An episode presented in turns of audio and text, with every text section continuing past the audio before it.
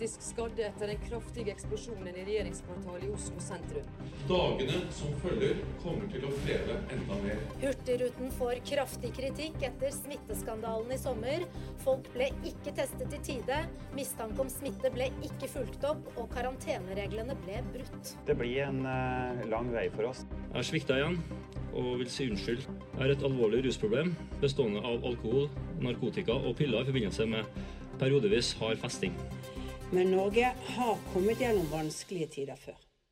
Som ledere skjønner vi at uten støtte fra medarbeidere, så blir det tungt, spesielt i en krise. Er det dårlig klima i en organisasjon før en krise, blir det sjelden veldig mye bedre når vi presses fra alle kanter. God intern kommunikasjon før, under og etter en krise er ofte veldig avgjørende for hvordan dere kommer ut av en krise i den andre enden. Og det er smertefullt om man glemmer folka sine når det gjelder som mest. Velkommen til en ny episode av Kriserådet. En podkast for deg som står i en krise, har opplevd den eller frykter at du vil oppleve en. Og vi som sitter her, er Siv Meisingseth. Og Marianne Melfall. Og episoden du hører på her i Kriserådet i dag, det gir deg noen tips til hva du bør huske på i din internkommunikasjon. Vi har snakket med politimester Beate Gangås om en krevende sexsak i etaten, og med Tonje Sund i SAS, som uh, i tøffe tider holder hjulene i gang i en meget krevende bransje. Og vi begynner med lederens rolle i internkommunikasjonen i en krise. Og det er fordi den er så utrolig viktig. Det er så viktig at lederen er synlig. Ikke bare eksternt, men også internt. Fordi det har også en indremedisinsk effekt. At når lederen synes ute, så vet man at vi har bestemt oss for å stå i det, og det er en del av det å ta tilbake kontrollen. Ja, og så er det jo et par punkter til, da. Bry deg om folka dine, og vis det. Er dere på hjemmekontor, så ta telefoner til mellomledere eller andre som er spesielt ramma av krisen tør å være litt personlig når du står i krisen. Ja, og når du da er ute som leder og skal møte folka dine med de riktige budskapene, så vil du jo bruke de riktige kanalene, og de er gjerne de du har brukt tidligere, og du må ha timing. Dette får du god hjelp fra kommunikasjonsfolka dine også. Og det aller siste, Siv Vis klokskap og handlekraft. Ja, det, er ikke noe ulempe, det. Nei. Nei. Ok. Ja, og en etat hvor lederne har fått kjørt seg i det siste, er jo politiet. I henhold til den saken om politiansatte som misbruker sin stilling overfor politistudenter eller andre ansatte for å få sex. Den er ganske heftig. Ja, og en forskningsrapport viser jo at det har vært en ukultur i politiet. Ja, og her jobber du, Siv. Ja, jeg gjør det.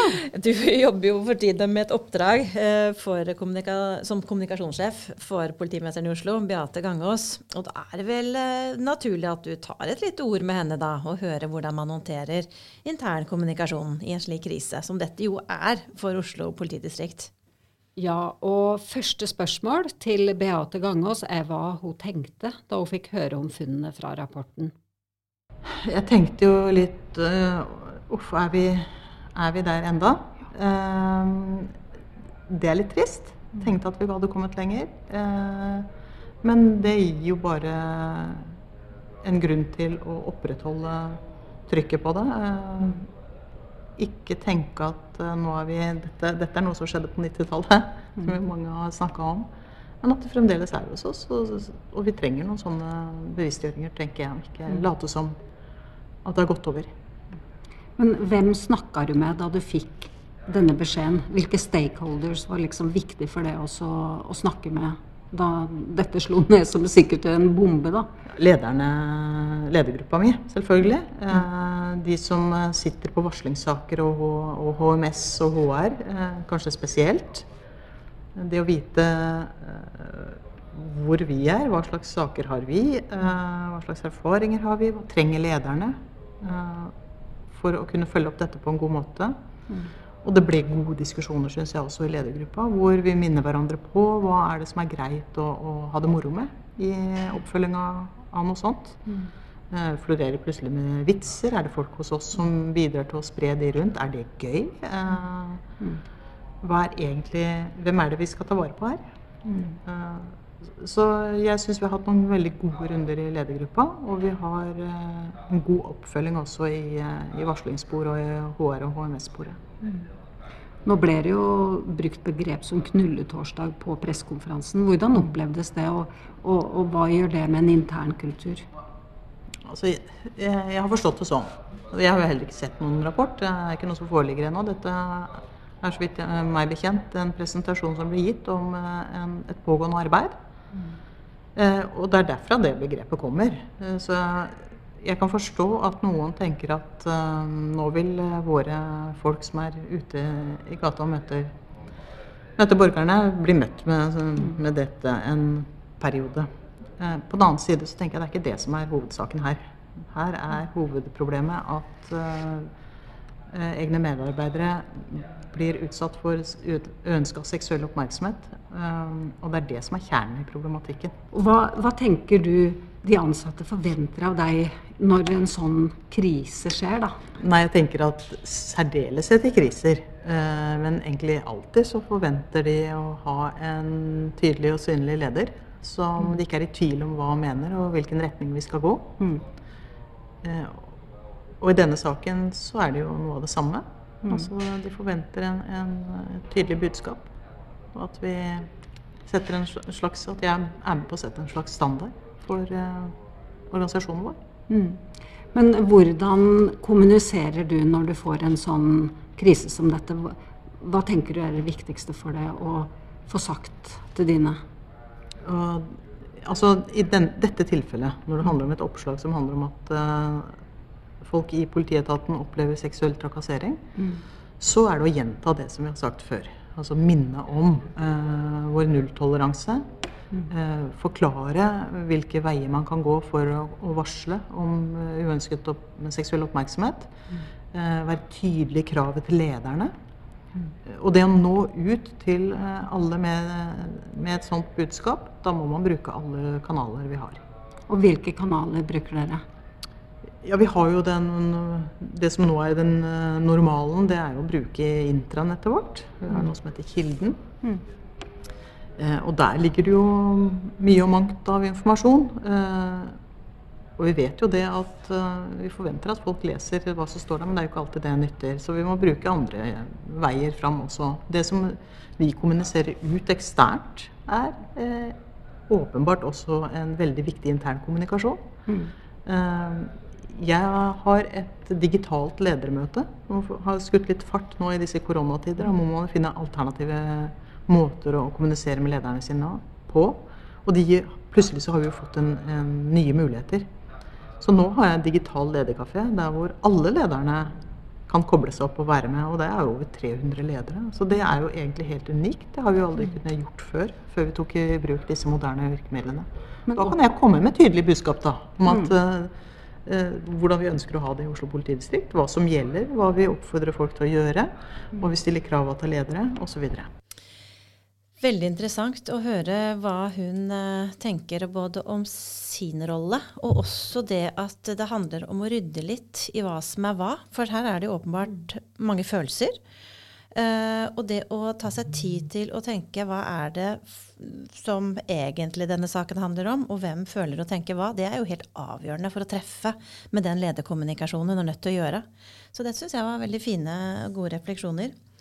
Vi skal jo gå videre på andre organisasjoner også, som uh, er opptatt av en god intern kommunikasjon, spesielt når det virkelig butter.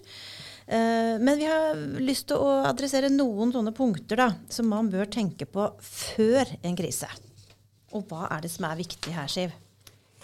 Jo, i det daglige kommunikasjonsarbeidet så finner vi jo gode møteplasser. Vi har jo kanaler og en form og frekvens på hvordan kommunikasjon går i organisasjonen vår. Og vi tester ut alt fra digitale kanaler, vi lar lederen kanskje blogge, vi lager videosnutter og sørger for god stemning på huset. Og i de gode dagene så deler vi jo hyggelige mediesaker og gode salgstall, kanskje. Eh, og vi er raske til å kommentere på vårt syn dersom vi får kritiske saker. Og slik at ansatte fremdeles kan stå rakrygget og svare godt når kundene lurer på om vi egentlig har god service. For Det er jo det verste, når man står der og blir ansvarliggjort for alt man har eh, av leders eh, atferd, eller hva man måtte ha gjort av gærne ting. Eh, Så blir man liksom sånn personlig stått til rette. Men skal vi snakke litt om hva som skjer under en krise? Ja, det er jo kanskje vel så interessant. eh, Men det er, det må vi jo bare understreke, at det er jo hva du gjør i fredstid som gjør også hvordan du kommer ut der. Men eh, la oss si da at krisen treffer oss. Og da er vi kanskje fremdeles på hjemmekontoret. Og alle hyler og skriker og vil ha ledernes oppmerksomhet. Eh, Og det er jo rettmessig, det. Det er media som vil ha uttalelser, det er eiere, kunder, alle andre. Men så er det medarbeiderne våre. Hvordan skal vi forholde oss til dem? Ja, og i en krise så er jo disse viktigere enn noen gang. Og det er jo noe som heter 'take care of the inside and the outside takes care of itself'. Og de ansatte de er jo våre ambassadører utad. For er det dårlig håndtert innad, så kan du være sikker på at det blir fortalt til familien, til naboen, til kollegaen, og til kunder og til media. Og husk at i en krise så bruker du godt etablerte kanaler som du vet funker. Ikke begynn å bruke Twitter og Workplace som du kanskje aldri har hatt Det noen gjøre ting Det med å veldig gjøre gærent før. hvis du prøver noe nytt akkurat da. Ja, nei, hold det til det du kan. Ja. Og så er det jo noe med at når dere er under angrep da, og får kritikk, så må dere i ledelsen være åpne og tydelige overfor ansatte på hvordan dere tenker å håndtere dette her. Det er så mye frustrasjon når man ser at vi blir angrepet. Ansatte vet ikke at det faktisk gjøres ofte et godt arbeid, og det må man da fortelle og dele. là. Del fakta, argumentasjon. Det er også viktig fordi at da kan også medarbeiderne ta med dette videre ut til kunder og samarbeidspartnere, så vi får delt det som er vår versjon.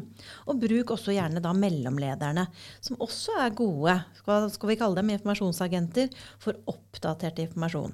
Og ikke minst, vi snakker om kommunikasjon, ikke bare informasjon. Vær lydhøre fra innspill fra medarbeiderne som er gode lytteposter. Her må det gå begge veier. Mm. Og lag budskap som er tilpasset de ulike grupper ansatte. Kjør allmøter, eventuelt på Teams nå i disse dager, da. Og la folk stille spørsmål. La dem også i hovedsak, om det ikke er spesielle grunner til noe annet, få oppdatert informasjon først. Og spesielt det der å stille spørsmål. Ja. Eh, få lov å gjøre det. Ikke bli eh, skal, slått ned hvis man har kritiske spørsmål. Mye bedre at ansatte får stille de i interne fora, så ikke frustrasjonen eh, renner over eh, utenfor huset. Ja, men Marianne, det er jo én ting vi må huske på, da. Og det er jo det som skjer etter krisen. For da er det jo evaluering som gjelder. Og da er det om å gjøre å lære av de erfaringene du har hatt gjennom denne krisen. Absolutt. Og vi kan jo håpe at vi en gang kommer på den andre siden av koronakrisen og begynner å oppsummere den. Vi er ikke helt der enda. Og i mellomtiden så er vi litt nysgjerrig på noen som står med begge beina midt i enda. Det er eh, SAS. Og vi har spurt da Tonje Sund. Hvordan opplever dere nå disse krevende dagene? Og hva har dere lykkes best med når det gjelder internkommunikasjonen spesielt? Ja, altså 2020 har jo vært altså, den største krisen som uh, flyindustrien har uh, opplevd historisk sett. Og når det gjelder internkommunikasjon, så er det eh, noen suksessfaktorer som jeg kanskje gjerne vil fremheve. Og den ene, det er altså den symbiosen vi har hatt, eh, vil jeg si, mellom intern og ekstern. Vi har tenkt 360 grader hele tiden, helikopterblikk på alle kanaler, målgrupper og samkjørte budskap. Det har vært eh, utrolig viktig med felles statusoppdateringer innledningsvis gjennom hele døgnet. og det, det har vært et fantastisk teamarbeid, men det, symbiosen er absolutt uh, avgjørende. Og en annen ting er også det vi har hatt en tydelig regi. Eh, vi delte inn eh, strategien på kommunikasjon i faser enn tidsmessig, med definerte tema for hver fase. Eksempelvis den første akuttfasen. Her er fokus på trafikkinformasjon, service, hjelpe passasjerene. Og også den samfunnsrollen som Salt spilte i den uh, perioden med rescue flights, uh, få folk igjen, medisinsk utstyr og personell ut i verden der det virkelig brant. Så, uh, men det som er viktig er å holde de planene high level, for krisens natur er jo at ting endrer seg fort. Og, men det er jo på det temaet også en tredje ting, altså det med storytelling. altså Vi løfter frem de gode historiene. Kolleger som gjør altså en fantastisk innsats midt i krisen.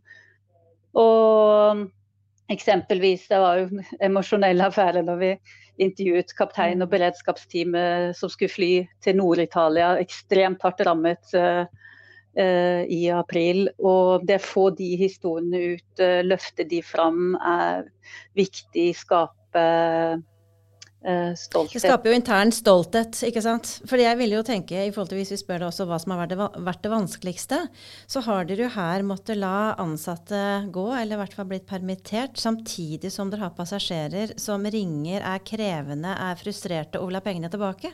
Hvordan kommuniserer man til ansatte når man står i et sånt spenn? Ja, Det er klart det er eh, kjempekrevende. Vi skal drifte et selskap som står i sin dypeste krise, samtidig som eh, flere tusen ansatte må gå. Kjempekrevende. Og det, så det er noe vi har jobbet mye med. Hvordan eh, det å skape stoltheten og energi i krisen. Det, og det, den storytellingen der er jo kjempeviktig. Løfte fram de Eh, ansatte som gjør en helt fantastisk innsats. Du Tanje, du har jo altså stått i en krise som du sier er helt historisk. Og, og dere har jo også under denne krisen opplevd ganske mye kritikk. Og, og medarbeiderne blir jo urolige. Hva er dine beste råd til internkommunikasjon i en sånn uh, sammenheng? Uh, ja, det er altså Får man kritikk, og den er berettiget, så er det jo altså som tommefingerregel én ting å gjøre. Si unnskyld og fikse det og move on. Nå har vi jo stått uh, i en situasjon som vi aldri har opplevd før. Det er ingen system som er rigget for at du plutselig har alle flyene på bakken. Du har hundretusenvis av kunder som skal ha refundert billettene eksempelvis. Så det er klart for Der er det jo viktig også å fortelle altså hva gjør vi for å fikse det. Vi vet det er ikke gjort over natta. Vi må være transparente. Alltid bedre å vite. Uh, vi må også være tydelige på, ikke sant. Uh, og det gjelder jo alltid hva vet vi, hva vet vi ikke. Vi vet at dette her vil ta tid. Vær ærlig på det. Eh, men hva gjør vi nå? Hva er vår, vår strategi og prioriteringer for å løse situasjonen? Og hva kan den enkelte bidra med? Og sånne ting som at uh, sende ut uh, korte tekster og videoer med 'dette her kan du fortelle vennene dine som spør'. Uh, ha med ukebrevet her, har du en oppdatering på sånn ser status ut på, på trafikken, sånn ser det ut på dette området. Da vil den tydeligheten på ja, hva vet vi, hva vet vi ikke. Hva kan jeg si, hva kan jeg bidra med? Altså Den tydeligheten er med å skape en ro likevel. Da. Tusen takk til eh, Tonje Sund, og riktig lykke til. Da er det tid for våre råd helt til slutt. Og det første rådet vårt er rett og slett jobb godt i fredstid med å teste møteplasser, kanaler, form og tone, og ikke gjør nye krumspring når det brenner. Gjør det best, mest mulig likt, sånn som dere gjør i det daglige. Og anerkjenn at du som leder ikke kan kjempe en krig alene. I en krise er det veldig viktig å ha medarbeiderne med deg. Informer og involver. Husk, de er våre aller beste ambassadører. Og til slutt, vær transparente i praksis. Vær åpne om hvordan vi tenker å møte denne krisen.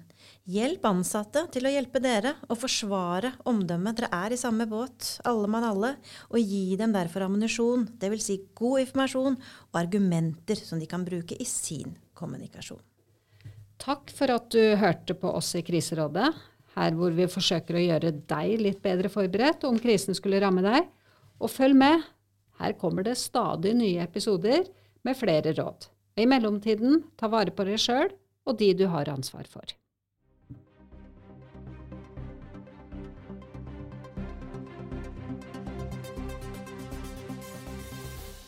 Du har nå hørt en episode av Kriserådet, en podkast teknisk tilrettelagt av Etern Media.